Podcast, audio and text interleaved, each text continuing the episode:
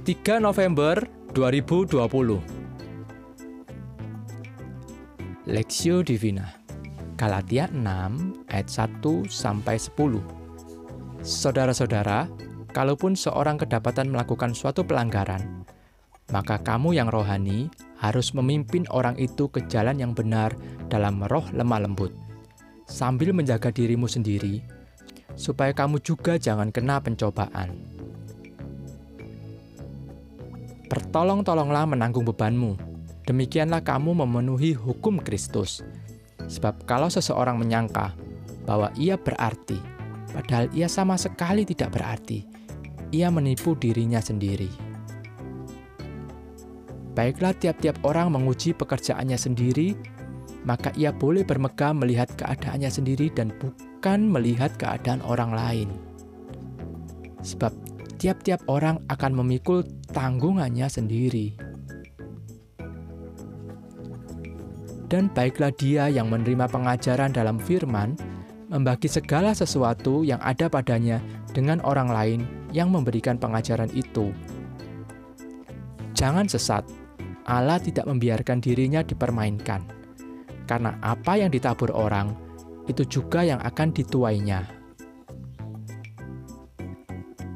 Sebab barang siapa menabur dalam dagingnya, ia akan menuai kebinasaan dari dagingnya. Tetapi barang siapa menabur dalam roh, ia akan menuai hidup yang kekal dari roh itu. Janganlah kita jemu-jemu berbuat baik, karena apabila sudah datang waktunya, kita akan menuai jika kita tidak menjadi lemah. Karena itu, selama masih ada kesempatan bagi kita, marilah kita berbuat baik kepada semua orang, tetapi terutama kepada kawan-kawan kita seiman.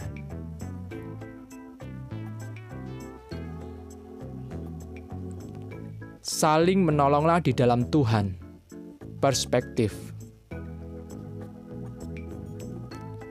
Bertolong-tolonglah menanggung bebanmu. Demikianlah kamu memenuhi hukum Kristus. Galatia 6 ayat 2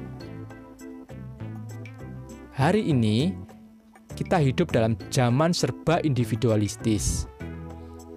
Kita hidup hanya bagi kepentingan diri kita sendiri dan keluarga kita. Sangat jarang kita terdorong melihat ke kanan, kiri, dan menolong orang-orang di sekitar kita. Terutama ketika kita berbicara tentang pertumbuhan karakter dan pembentukan kita untuk meninggalkan dosa menjadi serupa Kristus. Tetapi ide dari Tuhan dalam kekristenan, kita seharusnya tidak berjuang sendirian.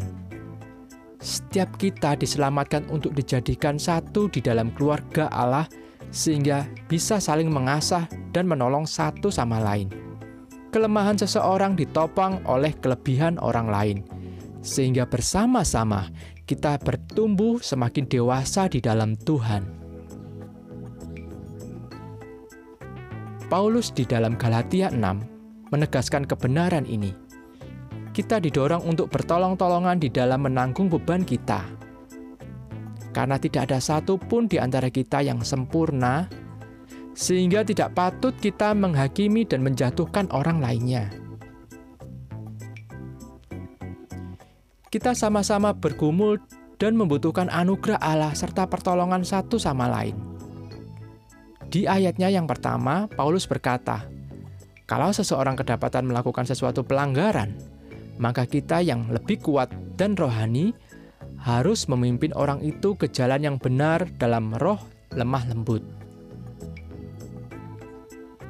Selain menolong orang lain, kita pun diingatkan untuk menjaga diri kita sendiri, agar kita pun menjadi teladan dan tidak jatuh dalam pencobaan yang sama. Inilah keinginan gereja Tuhan. Ketika kita sadar bahwa kita bukanlah orang yang sempurna dan kita membutuhkan orang lain, kita akan terhindar dari kesombongan. Dan melalui kebenaran ini, kita diyakinkan bahwa kita tidak perlu berlelah-lelah menampilkan pesona dan menunjukkan bahwa kita sempurna. kita dapat dengan terbuka saling membagi pergumulan dan mendukung satu sama lain. Indahnya gereja Tuhan bila kita bersama boleh bergandeng tangan dan bertolong-tolongan di dalam perjalanan kita mengikut Tuhan. Studi pribadi pertama, apakah Anda memiliki sahabat yang dapat menolong Anda bertumbuh di dalam Tuhan? Dua, carilah satu atau dua orang yang bisa Anda percaya dan beranikan diri untuk minta didoakan dan didukung dalam pergumulan kita saat ini. Pokok doa, berdoalah untuk orang-orang Kristen agar boleh memiliki komunitas yang sehat dan aman di mana mereka bisa saling mendukung dan menolong satu sama lain.